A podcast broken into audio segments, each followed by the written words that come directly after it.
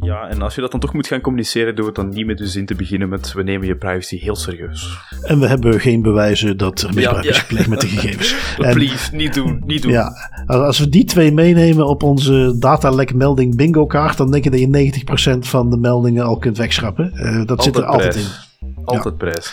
inderdaad.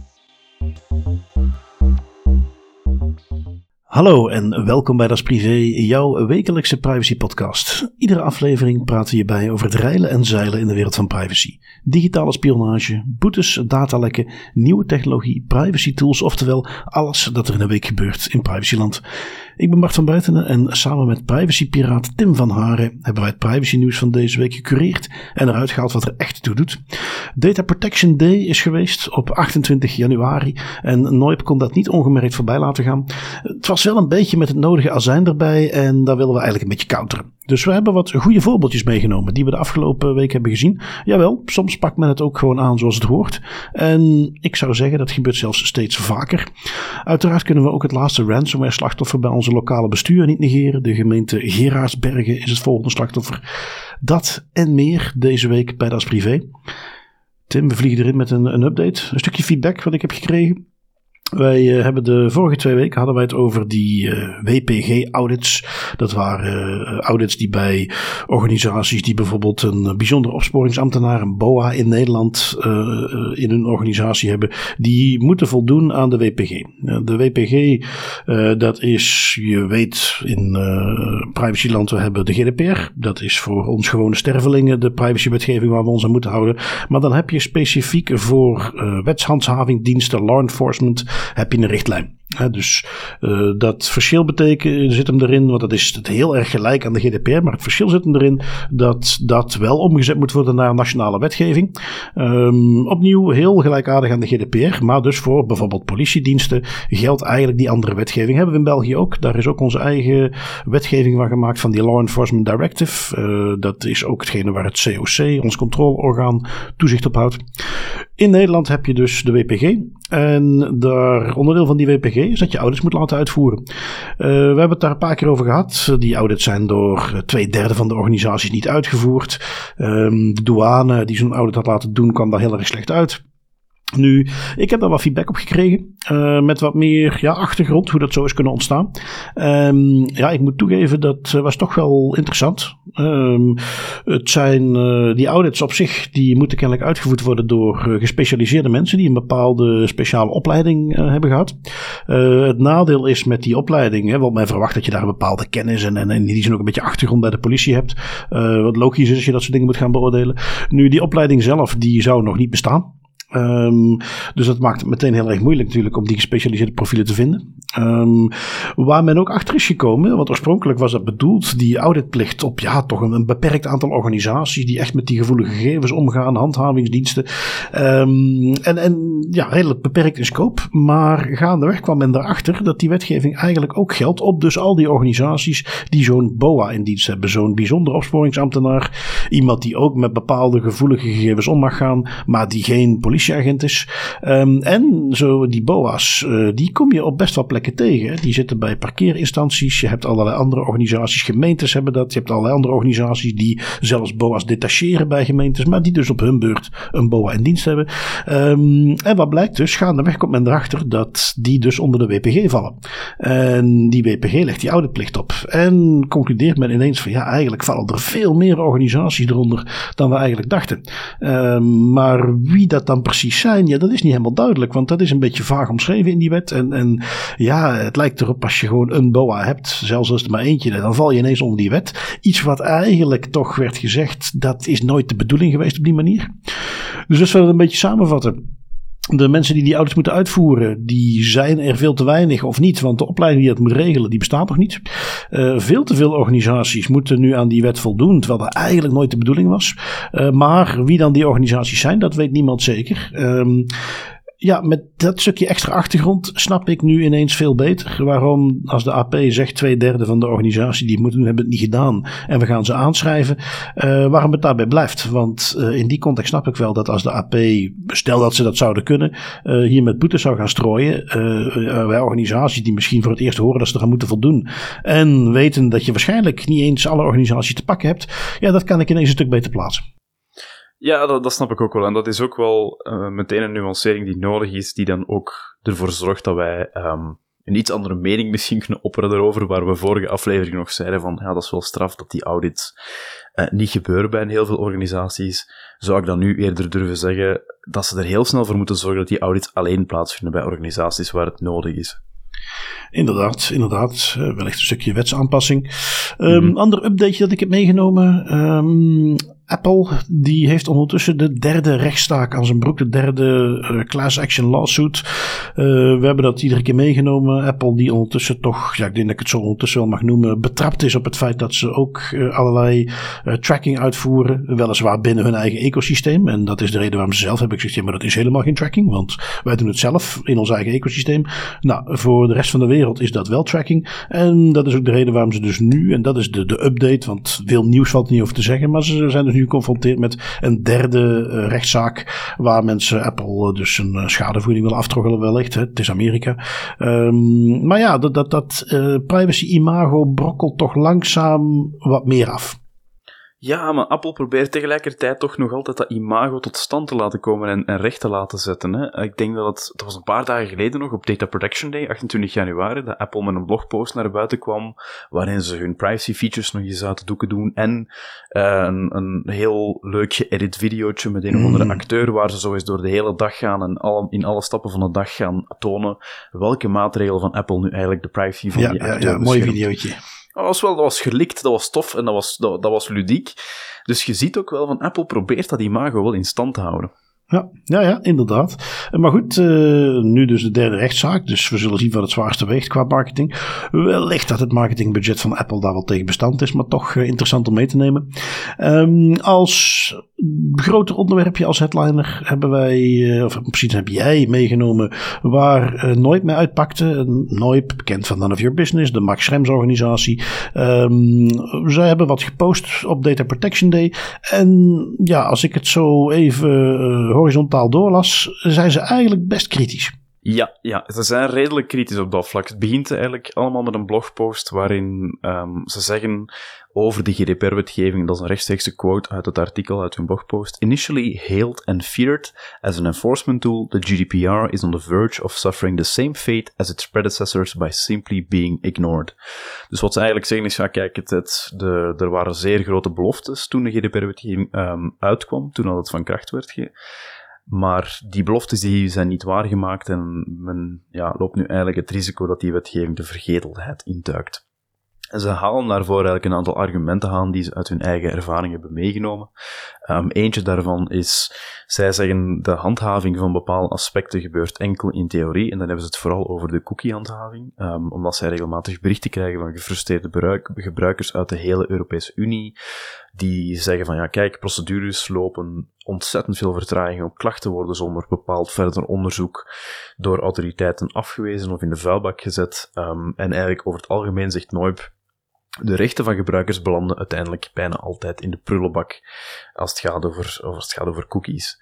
Een tweede argument dat ze aanhalen um, is dat er een soort conflict is ontstaan tussen de wet en de autoriteiten die daarop moeten toezien dat de wet wordt toegepast. Um, zelfs wanneer de autoriteiten een bepaald besluit nemen en bedrijven een boete opleggen of een andere sanctie opleggen, dan kunnen die, die rechtszaken en die zaken die daartoe leiden jarenlang aanslepen als gevolg van beroepen, filibusters. We hebben het al een aantal keer gezien. De Ierse autoriteit is daar zeer bekend mee en staat daar ook onbekend dat dat echt een log systeem is. Um, en dat leidt, dat leidt eigenlijk ook tot een, ja, een soort belemmering van de handhaving in bepaalde, bepaalde regio's. Hè. Je hebt een aantal tech-hubs in de Europese Unie. Um, Ierland is daar zeer bekend voor. Um, Luxemburg is dat ook. En Noip haalt dat ook echt met naam en toenaam aan. Ze zeggen echt van ja, kijk, Ierland is wordt al lang beschouwd als een knelpunt en is het ook nog altijd in de EU-brede handhaving van de GDPR-wetgeving. Enerzijds vanwege de extreem trage snelheid waarmee dat zaken worden verwerkt. We hebben het vorige week nog meegenomen.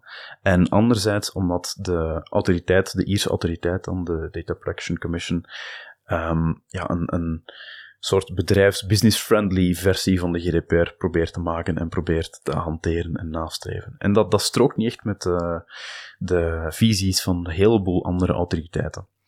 Naast Ierland is ook Luxemburg bekend om hoofdkantoren van grote techbedrijven zoals Amazon, eBay en PayPal. En ook daar loopt het echt zeer traag aan de slakkengang. Er is al sinds 2019, als ik het me niet vergis, correct me van wrong Bart, een rechtszaak tegen Amazon aan de gang, um, waar ook Norvia Business bij betrokken is waar nog altijd geen uitspraak over is. Dus het is echt al heel lang dat dat eigenlijk, dat dat eigenlijk zijn, zijn gangetje loopt. Te lang, eigenlijk, volgens Norvia. Ja, die uh, Luxemburgse, maar dat kan natuurlijk nog iets anders zijn, maar die hebben natuurlijk wel niet zo heel lang geleden die boete van 750 miljoen uh, gekregen. Hè? Uh, ja, dan, dan kan het misschien nog iets anders zijn, want het is None of Your Business die toch nog wel specifiek aanhaalt dat ze sinds 2019 oh, wachten ja. op een uitspraak van de Luxemburgse autoriteit ja. en dat ze zelfs nu zo ver moeten gaan om eigenlijk een rechtszaak te gaan spannen tegen de Luxemburgse autoriteit. Ja, uh, kijk, pak die zaak die ze dan recent tot uitspraak hebben gekregen tegen Meta met uh, WhatsApp, Facebook, Instagram. Dat was al sinds 2018 aan de gang, dus in die zin, ja, ja het, is, het is helaas niet uniek. dus het zal me inderdaad niks verbazen als dit nog een aparte zaak is tegen Amazon, waar ze inderdaad al jaren wachten. -hmm. Ja, dus het, het, loopt te traag volgens None Business. En dan als, als laatste punt halen ze ook nog aan van ja, kijk, de GDPR-wetgeving, een van de redenen waarom dat die wetgeving tot stand was gekomen, is om het hele um, gegevensbeschermingslandschap in de Europese Unie redelijk veel te harmoniseren. Ervoor te zorgen dat er heel veel plooien gelijk getrokken worden, zodat zowel in Frankrijk als in Spanje als in Italië op dezelfde manier verloopt. En None of Your Business eh, ziet dat niet goed komen. Um, ze halen daar een aantal nationale rariteiten aan, zoals ze het zelf zeggen, waar ze tegenaan lopen. En ik, ik heb de lijst meegenomen, ik wil er eens doorgaan, want het is eigenlijk wel interessant om eens te zien, ja, in elke lidstaat interpreteren ze of handelen ze dan toch weer net iets anders. Hè. Zo ontkennen de Franse en Zweedse autoriteiten dat um, gebruikers een partij kunnen zijn in een procedure tegen een, tegen een bepaalde organisatie. De Belgische autoriteit die geeft gewoon geen toegang tot dossiers aan None of Your Business. Um, de Poolse autoriteit, dat is, echt uh, een van de beste, die eist dat klachten digitaal worden ingediend, maar staat alleen toe dat de dossiers fysiek worden gekopieerd in Warschau. Um, de Oostenrijkse autoriteit die gebruikt een nationale clausule om massaal procedures af te sluiten, omdat het bedrijf het probleem heeft opgelost. Dus als een bedrijf een, een, een uh, inbreuk pleegt op de GDPR-wetgeving, maar dat dan wel goed rechtzet in de toekomst, um, dan is eigenlijk het, de inbreuk die zij hebben gepleegd, daar gaan ze niks mee doen. Uh, de mhm. Bulgaarse autoriteit die doet gewoon niks. Die reageert al jarenlang niet meer op communicatie per mail, telefoon of post aan None of Your Business. Dus dat is een beetje gek wat dat die daar allemaal aan toe zijn. En de Duitse rechtbanken die maken vaak beslissingen van de autoriteiten ongedaan. En de boodschap, kort samengevat, die None of Your Business hier wilt meegeven is, um, er is serieus veel werk aan de winkel om van de GDPR-wetgeving een krachtige wetgeving te maken. Ja, uh, dat is natuurlijk, uh, ik zei het ook in de intro al een beetje, hè, daar zit een uh, serieuze laag azijn over. Um, ik, ik, ken ook wel mensen bij Noip. Ik, ik spreek die wel eens, um, ook op conferenties. En met sommigen kom ik in het werk ook wel eens tegen. Um, en je proeft daar echt wel een bepaalde frustratie. Um, dat, dat, zit bij sommigen ook echt diep. Um, ik, ik heb wel 100% het gevoel bij al die mensen dat die er met de, de beste bedoelingen in zitten. En, en dat die echt het doen omdat ze de privacy als fundamenteel recht vinden. En dat, dat, dat kan ik alleen maar bewonderen. Uh, ik zal het meteen voor de hele duidelijkheid ook bij zeggen. Ik ben een groot fan van Moip. Um, maar je merkt dat zij, doordat zij ondertussen ook al jarenlang, want dan moet je ook niet onderschatten wat voor druk die onderstaan, een beetje als boksbal worden gebruikt van allerlei advertentieorganisaties van alle uh, partijen, ook big tech met gigantische budgetten ook, uh, waar ze tegenin gaan. Uh, ja, je moet echt niet onderschatten wat voor een druk die onderstaan al jarenlang om die gevechten te voeren. En dat betekent dus ook dat die af en toe een beetje om zich heen gaan slaan. Uh, Noip. Dat, ik heb dat op Twitter wel eens voorbij zien komen als Max Schrems door iemand werd aangesproken op iets. Uh, dat um, ze een webinar deden met een partij die zelf de wetgeving ook niet goed naleefde. En in plaats van dan gewoon, ja, zoals ik daar begin op zou reageren. Van ja, kijk, ik doe met die lui een webinar. Ik vind het leuk dat ze me zo'n podium willen geven. Ik heb ze aangegeven dat ze hun webinar tool misschien niet helemaal uh, klopt. Maar ik ga er ook geen al te groot punt van maken. dat is hun probleem. Ik heb het aangegeven. Nou, hij reageert daar behoorlijk nijdig op. gaat daar dan echt een een, ja, om daar een uh, oneerbiedig woord voor te gebruiken, een beetje een bitchy discussie aan. Um, en, en dan proef je dus dat het ook, ook hem af en toe een beetje te veel wordt. Um, want een aantal van die dingen vind ik ergens ook niet zo vreemd. Tenminste, dat is de vrijheid van die organisaties of voor die lokale wetgeving om dat zo te regelen. En je kunt het daarmee eens of oneens zijn, maar dat maakt het daarom niet per se een, een gigantisch probleem. Um, die Belgische autoriteit die ging toegang heeft tot dossiers, ja, dat kan een insteek zijn. Uh, de Bulgaarse autoriteit is natuurlijk heel erg, maar tegelijkertijd is niet iets waar ik heel erg van sta te kijken. De Roemeense en de Bulgaarse autoriteit, met alle respect voor die landen, um, maar die lopen gewoon uh, een jaar of 10, 15 achter als het gaat om transparantie, uh, dingen goed geregeld hebben. Die zijn ook veel later toegetreden tot de Europese Unie. Die hebben een wetgeving later op punt gezet. Die komen historisch uit een hele andere context. Dus misschien is het ook helemaal niet vreemd en, en moeten we daar ook gewoon wat tijd geven. Um, Duitse rechtbanken maken beslissingen ongedaan. Ja, wij kennen in België ook het Marktenhof. Die uh, doet bijna niet anders. Uh, die hebben altijd wel iets aan te merken op een beslissing van de GBA of de geschillenkamer. Um, steeds minder, want de GBA heeft zijn lesje geleerd. Want daar zitten soms ook gewoon heel terechte punten toe. De GBA moest leren om zijn boetebesluiten fatsoenlijk te motiveren. En dat doen ze nu. En nu komt daar uh, ook veel minder kritiek op. En, en wordt het ook veel minder teruggedraaid. Um, dus en datzelfde kan ik me in Duitsland voorstellen. Dus dat is gewoon.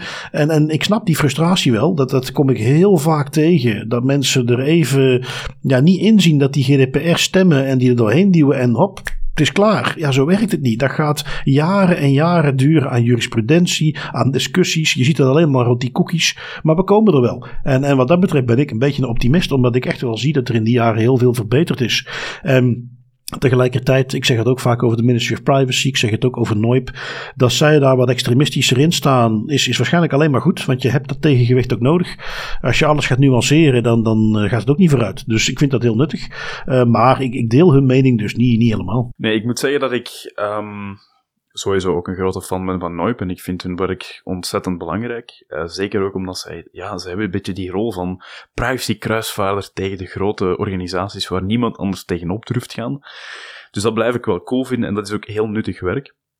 Maar inderdaad, wat je ook al zei, hè, het is, um, ik denk dat we echt niet mogen vergeten dat we van redelijk ver komen. En um, zeker GDPR als een begrip in heel veel organisaties waar ik ook werk nu, dat is echt wel een ding. Dat is, de mensen zijn, zelfs mensen die, zich, die voor de rest nergens mee bezig zijn op vlak van privacy of gegevensbescherming, zijn zich bewust van GDPR en weten dat dat een ding is. Weten dat dat iets is waar ze rekening mee moeten houden. In marketingteams is dat een, is, is dat een begrip. In um, diensten waar men persoonsgegevens gaat verwerken, weet men dat men daar rekening mee moet houden. Dus dat, dat, eh, op dat vlak vind ik dat op zich al een zeer sterke wetgeving en heeft dat echt al een slag geslagen. En het feit dat mensen die daar niet mee bezig zijn, zijn zich ervan bewust dat ze daar rekening mee moeten houden. Nog niet altijd in alle details, maar ze weten wel van dit is een ding mm. dat belangrijk is en dat in de toekomst alleen maar relevanter gaat worden. Ja, Nee, absoluut. Dus uh, goed, we zullen zien, uh, wie weet, uh, nooit over vijf jaar dat ze die mening wat bijgesteld hebben. Ik verwacht het niet. Maar ik vond het toch nuttig om daar even wat, wat tegenwicht aan te geven. Omdat het een mm -hmm. geluid is wat ik naar mijn zin iets te vaak hoor. Die GDPR is mislukt en kijk eens hoe fout het allemaal gaat. En, en er valt nog genoeg aan te werken. Maar het is een gigantisch verschil met wat we vijf jaar geleden hebben gezien. En een voorbeeldje daarvan, en, en die zie je steeds meer terugkomen, zag ik laatst voorbij komen vanuit de Vlaamse Sportfederatie. Of toch in ieder geval de manier hoe ze er uitvoering aan geven. Um, want daar zie ik dus een, mooi voorbeeldje van iets wat volgens mij vroeger op een hele andere manier gelopen zou zijn. Uh, maar wat nu een extra verwerking inhoudt van gegevens. Een, gevoelige verwerking van gegevens. Maar met het juiste doel voor en ook op de juiste manier uitgevoerd, niet overdreven. Um, waar heb ik het over? Er is een, een decreet uh, gestemd in uh, Vlaanderen. Dat gaat ook, dat vindt zijn uitwerking nu. En dat houdt concreet in dat men nu een uittreksel strafregister gaat vragen aan mensen die in sportclubs werken. En met minderjarigen. Um, ja, er zijn de afgelopen jaren, ja, en, en alle jaren daarvoor, het is helaas iets van alle tijden. Maar er zijn gewoon heel veel zaken waarin mensen die omgaan met, met kwetsbare groepen zoals jongeren in een sportcontext, dat daar vaak misbruik plaatsvindt vindt of van tastelijkheden. Um, en, en men wil daar iets mee doen. Uh, dat is waar dit decreet voor bedoeld was.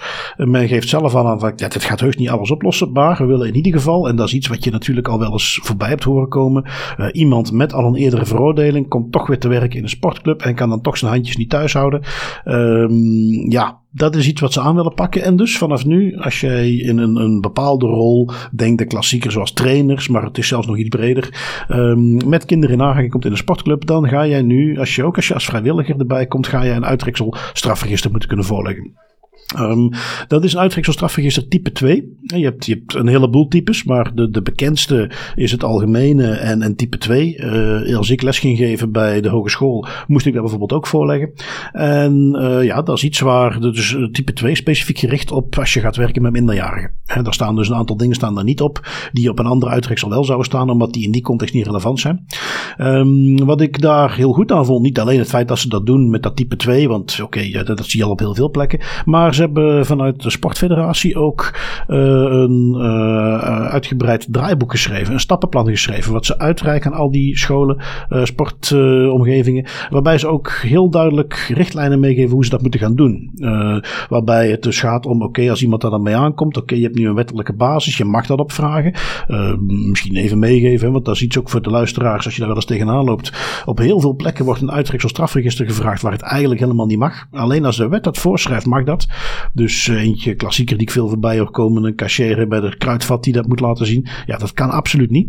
Um, in ieder geval, nu mag het dus wel. Je hebt die basis, maar dat draaiboek geeft dus heel goed mee. Oké, dat mag alleen maar geraadpleegd worden. En je gaat dat niet kopiëren, je gaat dat niet bijhouden in een dossier. Uh, ja, inderdaad, dat betekent dat je nooit zwart op wit kunt aantonen. Ja, maar we hebben het gecheckt. Kijk, hier is de kopie. Maar daar heeft men gewoon bedacht. Het risico van het lekken van zo'n document versus wat we ermee willen afdekken is niet voldoende. Die balans klopt niet. Dus wat ga je wel doen? Je gaat in je dossierstukken noteren. Ik heb op die datum hebben we dat gecontroleerd. Zodat na de rand mag blijken dat op dat moment iemand wel degelijk een veroordeling had. En je dus weet dat kan niet goed gecontroleerd zijn. Dat je op die manier echt nog wel iets hebt om op terug te grijpen. Maar we gaan geen kopieën bijhouden. Je raadpleegt het, je schrijft het op en dan geef je het vervolgens terug. Um, en ja, dat vond ik netjes proportioneel. Um, ik uh, moet ook zeggen, ik, ja, complimenten voor de DPO bij de Vlaamse Sportfederatie, waarbij ik weet dat die hier ook bij betrokken is. Die heeft dat ook meegeschreven. Um, die had eigenlijk zelfs liever gezien dat men dat model nog een stukje beperkte. Um, uh, we wellicht dus een nieuw model in het leveren, specifiek voor deze context. Want als je gaat bekijken wat er allemaal op dat model staat, het is meer dan puur zedenmisdrijven. Um, op het moment dat jij bepaalde gevangenisstraffen van meer dan zes maanden hebt gehad, die komen er ook op. Maakt niet uit waar die voor zijn. Uh, als jij bepaalde geldboetes hebt gehad, dan komen die er ook op. Buiten dan degene in het wegverkeer, want dat zou anders maar een beetje uit de klauwen lopen.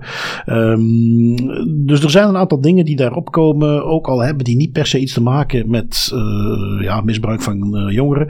Um, ik moet wel toegeven, het is iets wat ik ergens ook nog wel snap. als ik, ik noem maar even een zijstraat, ik geef les in een opleiding uh, business management. Um, ik ga studenten uitleg geven over financiën. En ik ben vervolgens al een paar keer veroordeeld voor fraude. Ja, dat is iets wat je toch wel wilt weten als opleidingsinstantie. Um, dus, dus aan de ene kant snap ik het wel. Um, ik snap ook het idee van ja, maar het is toch nog wat te breed.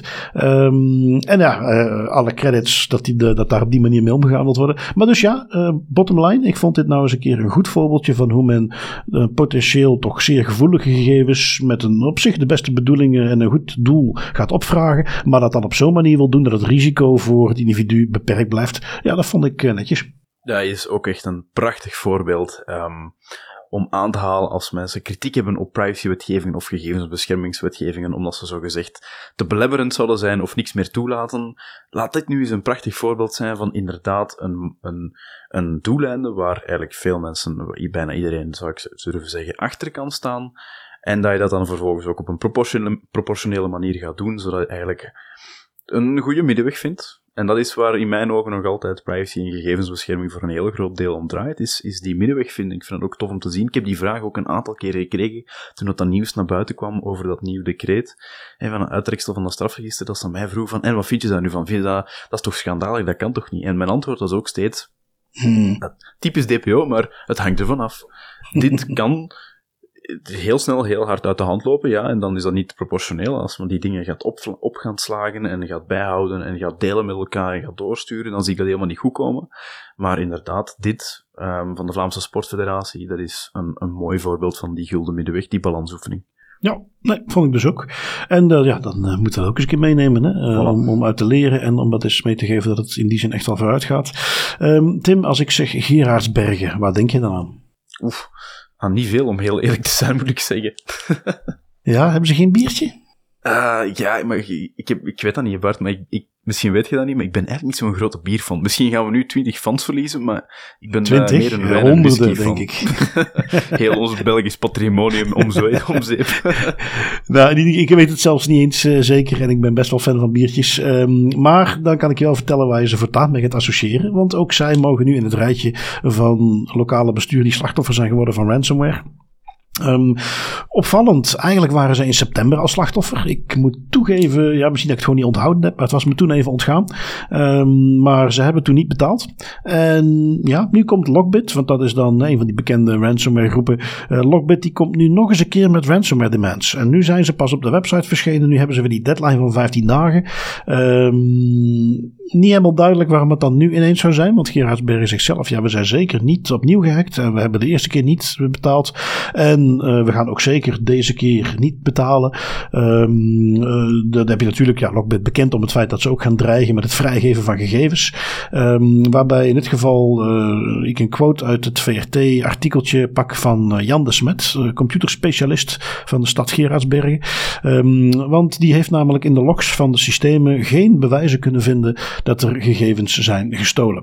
Ja, als ik zo'n uitspraak lees, dan rolde ik zo hard met mijn ogen dat ik nu brandwonden aan mijn oogleden heb. Want het is zo'n klassieker. Ja, we hebben geen bewijs gevonden van misbruik. Dat zie je bijna in al die meldingen terugkomen. En laat ik meteen even de uh, ja, meegeven. Kijk, ik weet ook hoe dat vaak gaat in de pers. Ik weet niet of Jan dat echt op die manier heeft gezegd. Misschien hebben ze dat een beetje uit de context getrokken. Dus uh, dat weet ik niet. Maar het is wel iets wat ik in ontzettend veel meldingen op die manier terug zie komen. En dat is niet hoe het werkt.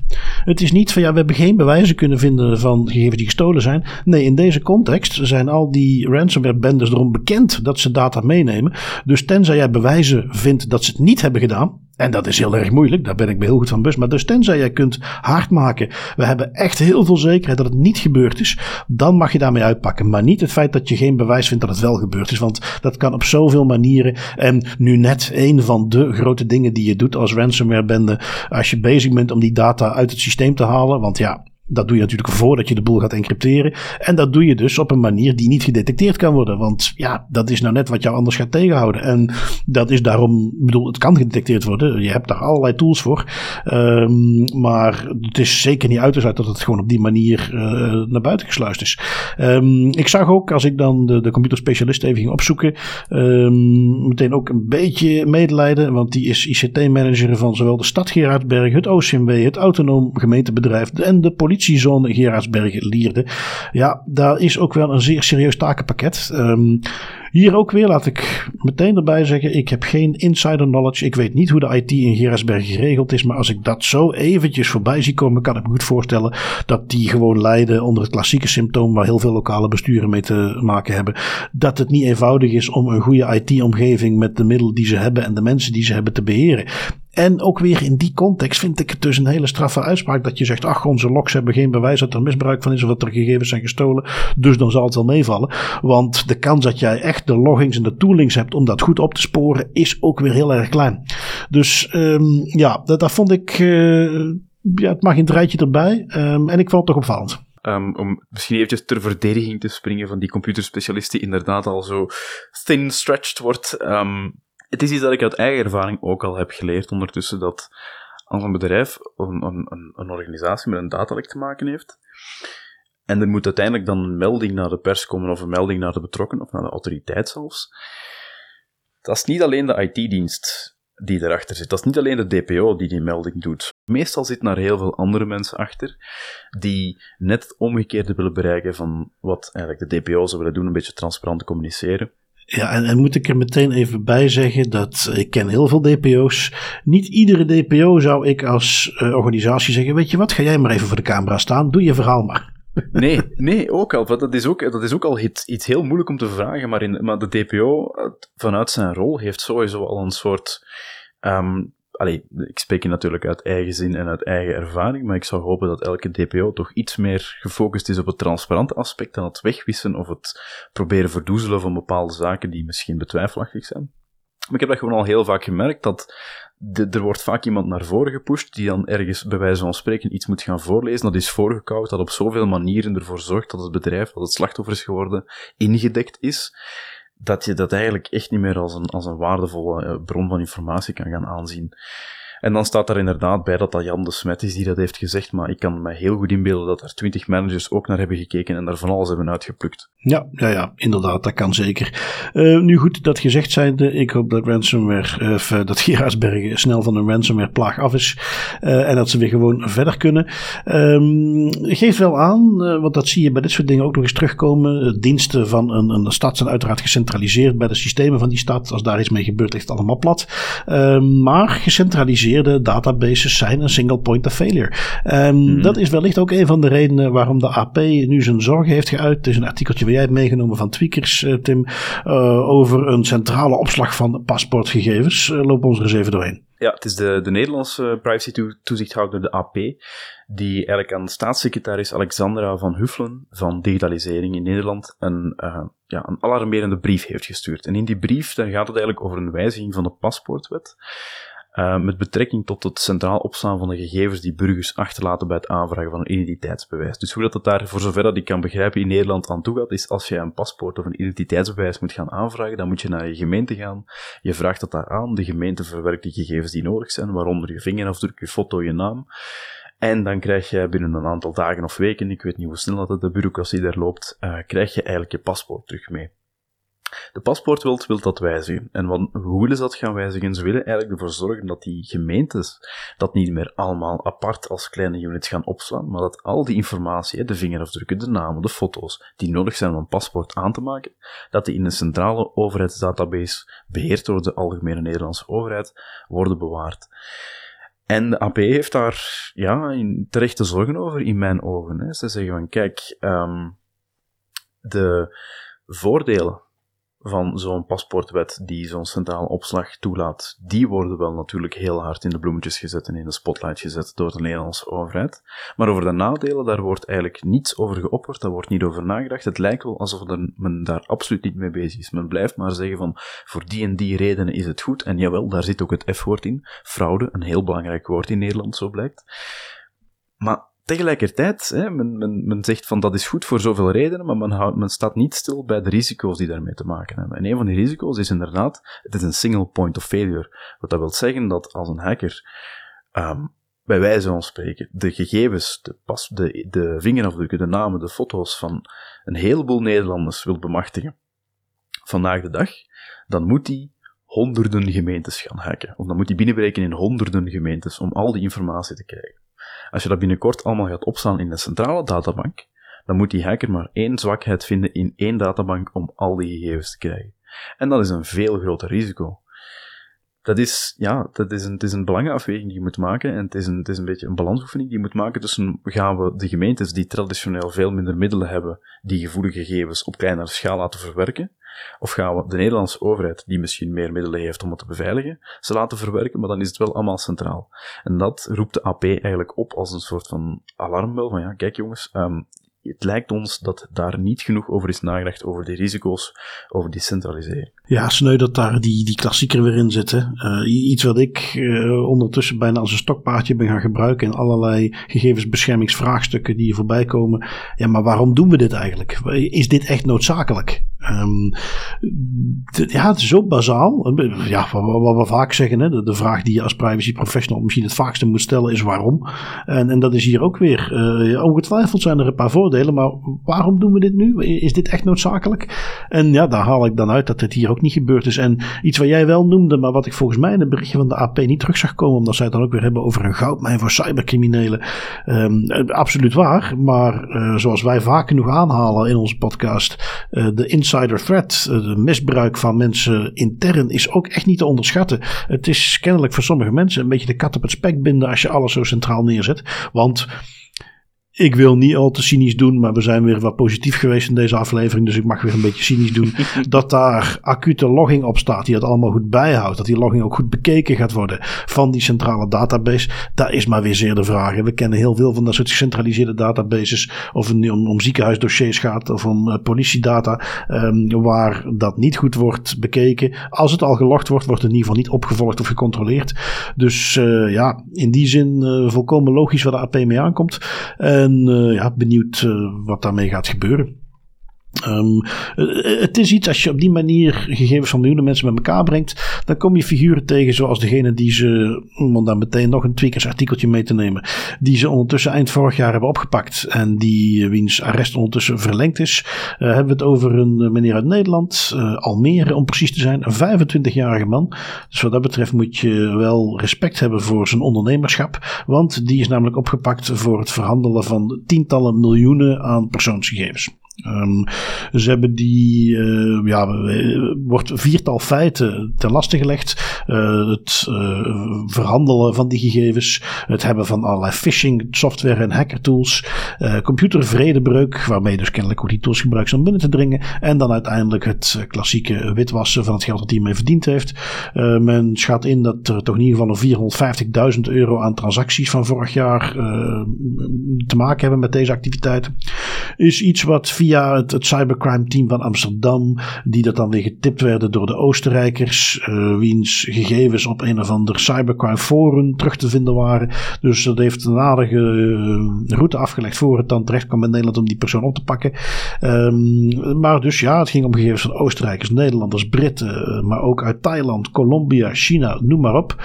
en dat is van miljoenen tegelijk. om er maar te benadrukken, ja, dat is echt wel een business. Hè? Het is niet meer zoals um, tien jaar geleden, van ach, of 10, 15 jaar geleden, datalekje. Maar ja, wat, is er nou zo erg aan? Uh, die gegevens, uh, daar gebeurt toch voor de rest niks mee. Ja, dat is iets wat denk ik ondertussen uh, men zeker niet meer moet onderschatten hoeveel daar effectief mee gebeurt. en goed, nu dus weer één iemand die daar in ieder geval niet meer weg gaat komen, lijkt het erop met die verhandeling van persoonsgegevens. Ja, het is, iets, het, het, is iets bijna typisch. Het komt nog altijd zo vaak voor, die, en die handel van persoonsgegevens het is, ik vind het soms een beetje moeilijk om die impact daarvan te, te kwantificeren. Hè. Die, die persoonsgegevens worden nu verhandeld, er wordt van alles verkocht en, en gekocht, maar wat is nu eigenlijk de impact voor de personen zelf? Dat, ik, ik vind het soms, zelfs voor mij, vind ik, struggle ik daar af en toe nog mee om dat eigenlijk duidelijk te maken van, oké, waarom is dat nu eigenlijk belangrijk dat er nog altijd aandacht aan wordt besteed? Ja, het, is iets waar ik vond dat je dat een, tijd geleden nog moeilijker uit kon leggen, omdat daar niks van bekend werd. Het was een soort zwart gat waar die gegevens dan in verdwenen, maar ja, wat gebeurde daarmee? Dat, was voor, dat, dat wisten mensen niet goed. En terwijl nu de laatste tijd zie je steeds meer aan de oppervlakte komen, die ransomware bendes die het verhandelen. Um, al die phishing berichten die iedereen op zijn telefoon al wel eens binnen heeft gekregen. De phishing e-mails. De berichten van mensen die voor duizenden en duizenden euro's zijn opgelegd tot soms zelfs al hun spaarcenten weg. Um, de, de impact op betrokkenen van zelfs gegevens zoals een telefoonnummer en een e-mailadres. Dat begint steeds tastbaarder te worden. Um, en en het, het, heeft mij ook wel eens aan denken gezet. Als ik dus een, je weet in de GDPR, we moeten een melding doen aan de autoriteit. En als er een mogelijk hoog risico is voor de individuen zelf, moet je het ook aan die individuen gaan melden. En ik begin, nou ja, eigenlijk niet begin. Ik ben op het punt dat ik op het moment dat het een datalek is waar e-mailadressen, maar zeker een telefoonnummer, een mobiel gsm-nummer bij zit, dan zie ik dat als hoog risico. Want er zijn ondertussen te veel voorbeelden van mensen die daarmee opgelegd worden. Um, en de, ja, dan kun je niet anders dan concluderen. Dan is het minste wat we kunnen doen, is mensen daarover informeren. Um, en, en ja, dat is natuurlijk iets wat organisaties vaak niet uh, graag willen horen. Want dat betekent dat je soms duizenden mensen moet gaan inlichten dat je een datalek hebt gehad. Maar het is volgens mij uh, het enige correcte wat je kunt doen, uh, waar nog heel veel aan te sleutelen valt, is wellicht de manier hoe dat gecommuniceerd wordt. Maar dat je dat moet gaan doen, is iets waar ik in ieder geval steeds sneller adviseer dat moet gebeuren. Ja, en als je dat dan toch moet gaan communiceren, doe het dan niet met de zin te beginnen met we nemen je privacy heel serieus. En we hebben geen bewijzen dat er misbruik is gepleegd met de gegevens. Please, niet doen, niet doen. Ja, als we die twee meenemen op onze datalek melding bingo kaart, dan denk ik dat je 90% van de meldingen al kunt wegschrappen. Uh, dat zit er altijd in. Altijd prijs. Inderdaad. Um, even zien, uh, wat hebben we dan nog meegenomen? Dit is er eentje van jou. De New York Times. Die hebben een, uh, een opiniestukje geschreven. Of daar heeft iemand een opiniestukje geschreven. Een opiniestukje over Signal. Nou ja, zoals iedereen weet, wij zijn een grote fan van Signal.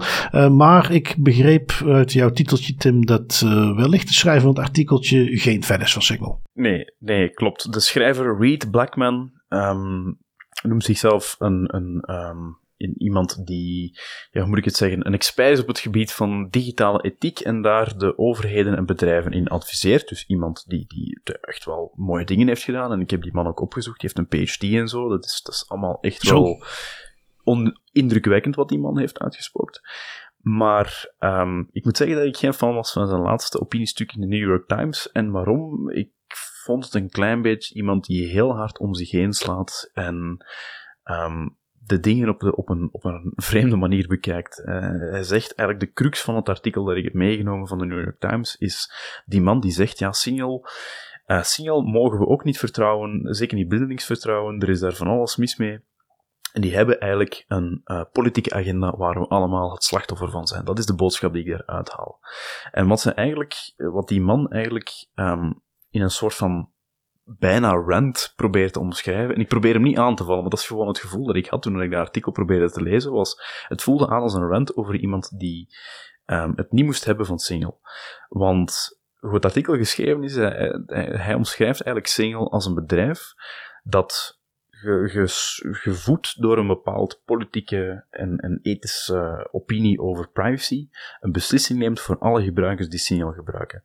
Namelijk het feit dat Signal end-to-end encrypted is, wat dat wil zeggen dat alle berichten die hij verstuurt via Signal, daar kan Signal niets van weten. Zelfs de metadata wordt niet opgeslagen door Signal. Dat is een van de voordelen van Signal te gebruiken tegenover WhatsApp. En uh, die man die, die zegt van ja, kijk, dat, dat uh, kunnen we eigenlijk niet doen, want dezelfde, de, de, de redenen waarom dat je Signal zou gaan gebruiken, hè, de, de, de, het wantrouwen in big tech en in uh, big government, zoals hem het dan, dan beschrijft, um, datzelfde wantrouwen zou je ook tegelijkertijd moeten gaan toepassen bij Signal. Maar ik vind dat een beetje een raar argument, want open source end-to-end encryption, messaging apps zoals Signal, die zijn net opgezet om het vertrouwen te verplaatsen van het bedrijf, of van de overheid, of van big tech, of whatever, en de mensen achter dat bedrijf naar de technologie die dat bedrijf voorstelt. Ik mag de CEO van, van Signal en de, um, de meningen dat dat bedrijf heeft nog zo wantrouwen als wat, maar als ik weet dat de open source end-to-end encryptie werkt en dat bedrijf dus absoluut op geen enkele manier aan mijn data kan, aan mijn inhoud van mijn berichten kan, dan is er geen issue. Ik mag dat bedrijf nog niet vertrouwen, maar als ik de technologie erachter vertrouw en de open source zaken die ze publiceren, ja, dan, dan kan ik die app wel zonder zorgen blijven gebruiken. En daar gaat hij eigenlijk um, verder over, hè, dat, het, dat het, het, het van Single een uh, problematische evolutie is en dat het een beetje hypocriet is. En daar kan ik niet mee akkoord gaan. Nee, en vooral niet als je weet van ja, wij hoeven Signal helemaal niet te vertrouwen. Zij hebben hun stack zo opgebouwd dat we ze niet moeten vertrouwen. Ze hebben geen kennis van onze berichten.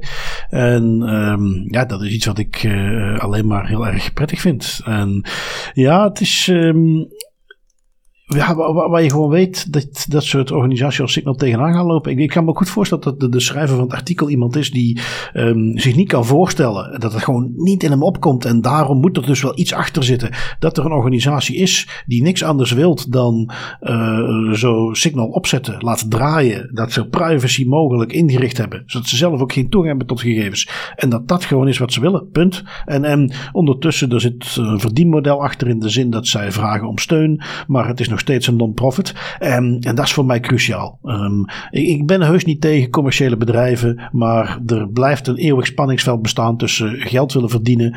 Uh, opnieuw, waar niks mis mee is. Maar dat betekent dat je soms afwegingen moet gaan maken die ingaan tegen wat is het beste voor iedereen. Want dat is misschien niet het beste voor je omzet. En um, dat is in heel veel bedrijfstakken hoeft dat helemaal geen probleem te zijn. Maar er, je komt vroeg of laat in een bepaald spanningsveld waar je een keuze moet maken van oké, dit is iets waar al onze klanten klanten en gebruikers super blij van zouden worden. Maar dat gaan we niet doen vanwege deze en deze reden. En als non-profit hoef je dat niet te doen. Je hebt geen verantwoording af te leggen aan aandeelhouders. Je bent, en dat is wat Signal is nog steeds. Hè? Een non-profit. Die draaien op donaties.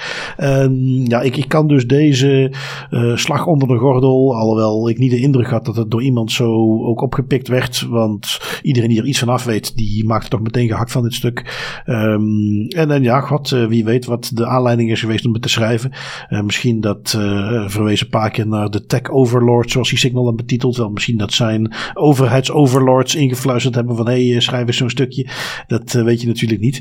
Um, dus ja, nee, daar, daar kon ik ook niet meteen uh, iets mee maken. Nee, het is, nee, we moeten natuurlijk onze zilverpapieren goed niet opzetten en denken dat dat een of andere puppet is van de overheid die dit moet schrijven om ons te brainwashen. Ik denk niet dat het dat is. Ik denk dat het iemand is die wel effectief daar, daar goed over heeft, over heeft nagedacht.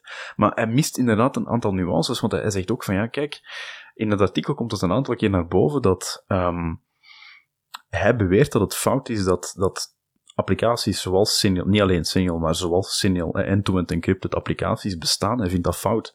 Want hij zegt dat getuigt van een fundamenteel gebrek aan vertrouwen in uh, good government, zoals dat dan heet, en, en overheidsinstellingen en de manier waarop die te werk gaan en de transparantie.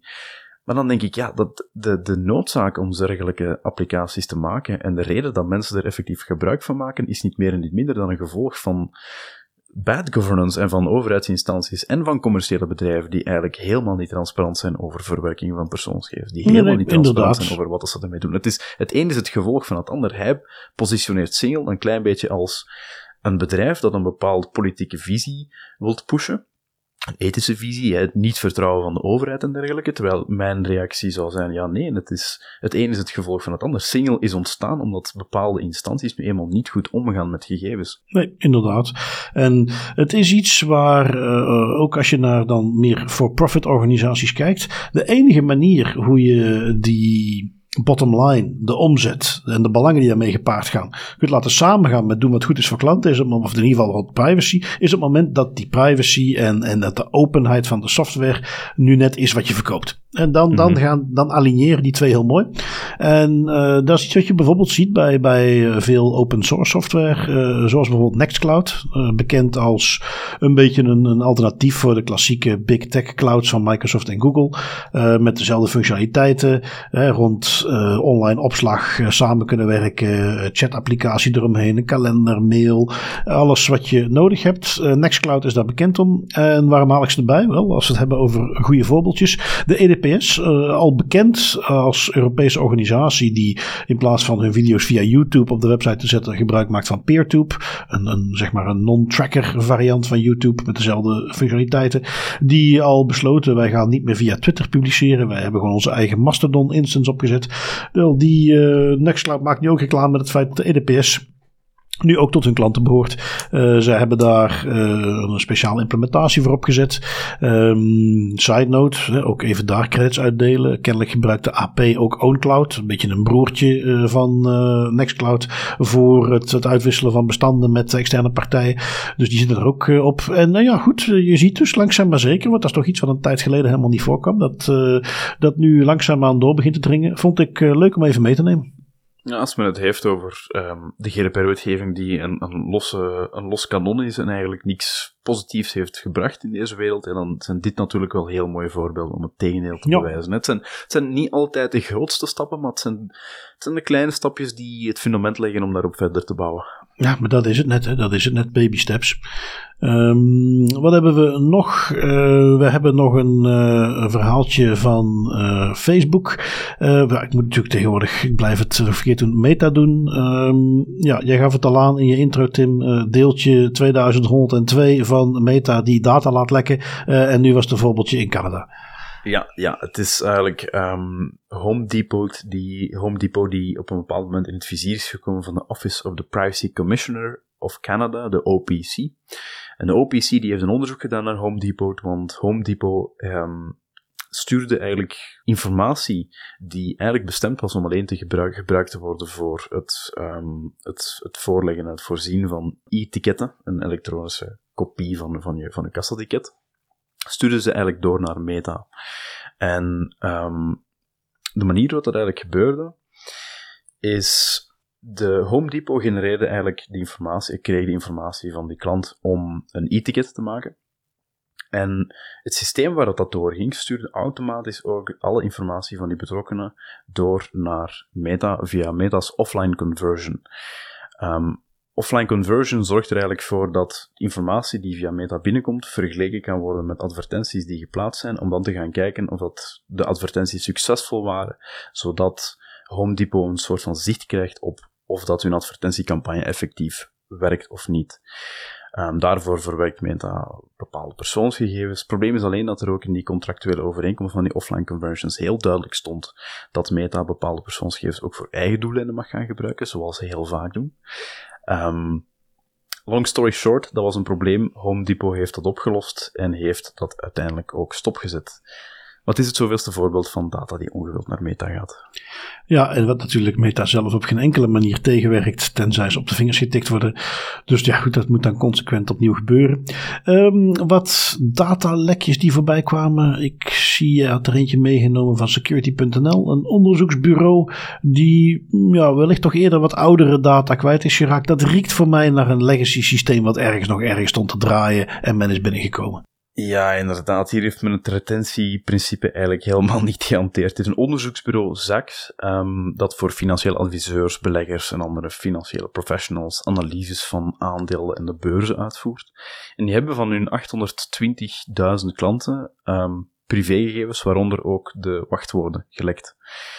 Um, het, wat dat ik niet heb gezien, het artikel, is of dat het ging om wachtwoorden in cleartext, dus wachtwoorden die je zo gewoon kan lezen, of gehashte wachtwoorden, maar het feit dat die informatie ontbreekt, doet mij vermoeden dat het hier gaat om wachtwoorden die in cleartext gelekt zijn. Wordt ook ondersteund door het feit dat Zak, uh, Zaks zelf ook aangeeft in hun datalekmelding van verander alsjeblieft al je wachtwoorden.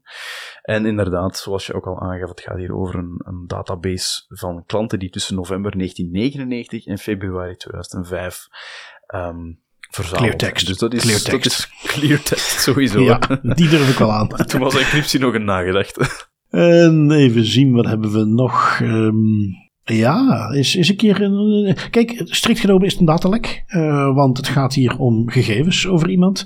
Um, en, nou, hey, dan zit ik me wel even te bedenken.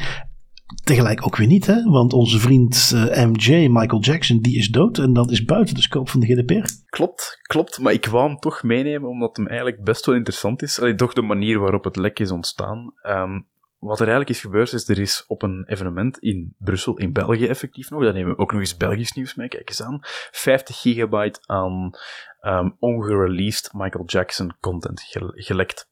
Dus die, die komt nu op het internet. En hoe is dat eigenlijk gebeurd? Um, er was daar een ex-studio engineer van Michael Jackson, Brad Sundberg, die was daar iets aan het doen voor het werk in Brussel voor een bepaald evenement.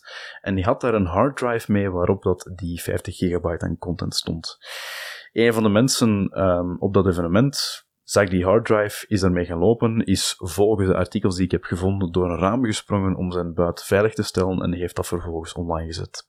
Oh, die Brad Barley, dat was een pensioen. Dat was een pensioen. ja, ja, inderdaad. Nou, laten we hem even binnenkoppen om die toch ook voor de zekerheid even mee te nemen. Wat is de Das Privé, Das Peter die wij eraan kunnen koppelen? Als je dan toch miljoenen aan, on, allee, bij wijze van spreken in de waarde aan ongereleased Michael Jackson content hebt, encrypteer dan op zijn minst alsjeblieft ja uit de schijf. Juist, dat is toch wel het minste wat je kunt doen. Of, of koop zo'n heel mooi dingetje waar je gewoon zelfs een, een pincode in kunt tikken. Je hoeft zelfs dan geen software ervoor te gebruiken. Die heb je ook opnieuw. Doe ik niet voor alles, maar op het moment dat je 50 gigabyte aan tot dan toe onbekend materiaal van Michael Jackson bij je hebt, is dat wellicht toch de moeite. Dat haal je er wel uit, die uh, kostprijs van zo'n USB-stickje, want uh, dat heet dan een hardware encrypted USB-stick. Die zijn wat duurder, dat heb je toch al over 50, 60 euro. Maar volgens mij wel de moeite waard.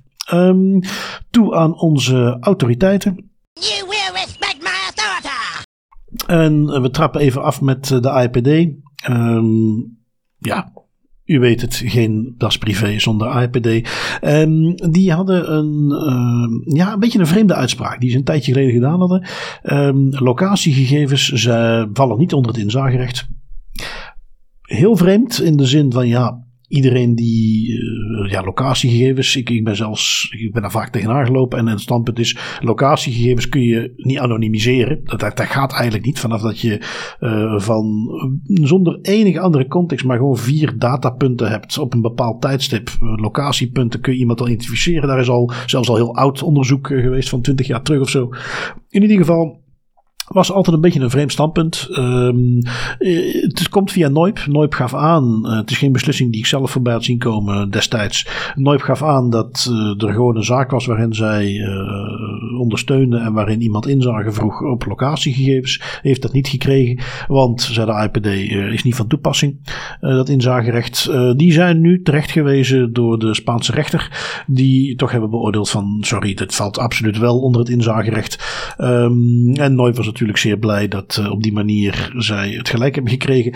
Uh, moet ook zeggen, want dat was het probleem hier. De IPD had destijds op geen enkele manier onderbouwd waarom ze tot die conclusie waren gekomen. Ja, dat maakt het natuurlijk heel moeilijk, want ik kan mij daar ook helemaal niks bij voorstellen waarom je locatiegegevens niet als persoonsgegevens zou zien. Nee, nee dat, is, dat is sowieso een heel, heel vreemde uitspraak. En ik ben ook wel blij om te zien dat is weer al een pluspunt voor de IPD natuurlijk. We blijven van dat de IPD dan ook gewoon na die uitspraak zei van oké, okay, fijn, wij gaan akkoord met wat uh, de rechter en non Noip hier beweren en we gaan vanaf nu ook locatiegegevens zien als persoonsgegevens. Niet meer als logisch in mijn ogen. Ja, dat denk ik ook, dat denk ik ook. Um, goed, wat heb jij nog meegenomen? Een beetje old school uit uh, Zweden. Ja, het is, het is eentje die ik niet kon laten liggen, omdat het nog eens een mooi voorbeeld is van de GDPR die wordt toegepast in een bijna niet-digitale context. Het is de Zweedse DPA, um, de autoriteit, die een, een boete geeft van 17.900 euro aan de Dalarna region.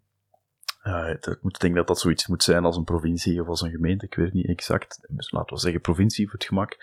Um, want die, die uh, provincie die had uh, uitnodigingen verstuurd naar patiënten met daarop op de brief zelf, op de, op de omslag, um, voor welk departement of voor welk af, stukje van de afdeling van de geneeskundige faciliteiten zij moesten zijn. Dus bijvoorbeeld als je een brief had die gericht was naar een kind, dan stond daar ook op van het, het gaat hier over het kinderziekenhuis.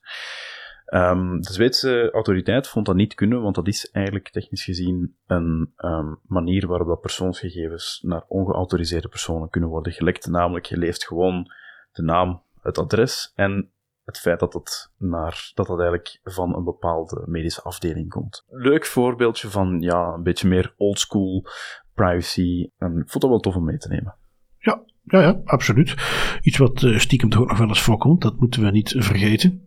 Um, dan zijn wij toegekomen, Tim, aan onze privacy pointers. En ik heb een, een, een ik wil het geen goedkope privacy pointer noemen, want ik, ik vind hem eigenlijk heel erg belangrijk. Uh, maar het is wel heel erg recht toe recht aan. Um, en ik heb al eens een keer zo'n soort oproep gedaan van, joh, mensen, doe eens een keer een inzageverzoek. Uh, dat is gewoon heel nuttig.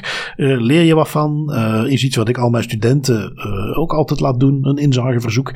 En in diezelfde lijn heb ik de volgende variant, dien eens een keer een klacht in bij de GBA. Um, hoe kom ik daarbij? Ik heb er uh, dit weekend zelf nog eentje ingediend. Um, iets tegen KBC Mobile. iedereen die luistert weet wellicht wel dat ik bezig ben met de Graphene OS telefoon. Ik stap af van mijn iPhone, daar ben ik nog steeds mee bezig. Een beetje de wrap-up van de laatste twee maanden, die ben ik nu aan het schrijven. En ineens kwam KBC met een, een aanpassing. Uh, dat heeft tot nu toe perfect gewerkt, maar ineens moest ik verplicht via de Google Play Store de KBC-app installeren. Uh, anders dan weigert die te werken. Um, nu, waarom vind ik dat klachtwaardig? Dit is niet iets in de variant van ja, maar als degene de app die, die maakt dat zo en dan moet hij dat toch zelf kunnen kiezen. Um, ondertussen is, uh, dat zal bij de meeste andere banken ook zo zijn, maar die KBC Mobile app die is eigenlijk bijna onmisbaar geworden. Um, als jij voldoende uit je bankdiensten wilt halen, dan, dan moet je die haast gaan installeren. En ik ben er ook grote fan van. Ik vind dat die heel goed werkt. Um, maar om daar dan vervolgens een verplichting aan vast te hangen, dat je een Google-account moet hebben, met een beetje, dat vond ik echt een hele slappe drogredenering. Um, ja, want uh, als apps uit de Google Play Store komen, dan weten we zeker dat het betrouwbare apps zijn. Terwijl er werkelijk iedere week wel weer berichten zijn van uh, malafide apps die gewoon in de Google Play Store gepubliceerd worden. Dus dat, dat, gaat ja, nergens over. En enfin, lang verhaal kort, want het gaat niet over mijn klacht. Uh, maar wij kennen allemaal zoiets. Uh, of het gaat om de mailbox spam die je maar blijft krijgen. Of iemand waar je eens een keer, naar aanleiding van mijn eerdere verzoekje, een inzageverzoek hebt ingediend en ze reageren niet. Dino eens een keer een klacht in. Het is leuk als een leerrijk. Het is niet zo heel moeilijk. Het klachtenformulier is een pdfje wat je kunt openen. En wat redelijk snel ingevuld is. Mensen die wel eens een datalekformulier hebben ingevuld. Die weten dat het aanzienlijk, aanzienlijk complexer kan bij de GBA. Het is helemaal niet zo moeilijk. En uh, ja, gewoon een interessante oefening om eens te doen. Dus pak een van die uh, lui die jou altijd blijft mailen. Of eentje die nooit gereageerd heeft op je inzageverzoek. Ik denk dat we, zeker de mensen die luisteren naar deze podcast, er allemaal wel zo eentje kennen. Um, Excuses aan de GBA als dit tot, gaat leiden tot, wie weet, uh, heel veel klachten. Um, maar tegelijkertijd geeft dat ook een, een duidelijk signaal af hoe, hoe wijdverspreid het echt nog wel is. Um, en ja, nee, dat, dat leek mij gewoon een, een redelijk eenvoudige, maar toch nuttige privacy pointer die ik mee wilde geven. Ja, dat is een hele mooie. En eh, los van het feit dat het ook leerrijk is en dat je er zelf veel, veel uithaalt, als je genoeg klachten indient, dan kan het wel eens zijn dat je een mooie verandering teweeg brengt in een bepaalde organisatie. Goed, dat gezegd zijnde, jij hebt ja, misschien ook wel een beetje een gedeelde privacy pointer meegenomen. Ik ondersteun hem namelijk van harte. Wat kondig jij aan, Tim? Uh, wij kondigen nog eens een Das Privé-event aan. Nog geen Privcon 2023, dat gaan we binnenkort, allee, binnenkort, dat gaan we later nog wel announcen.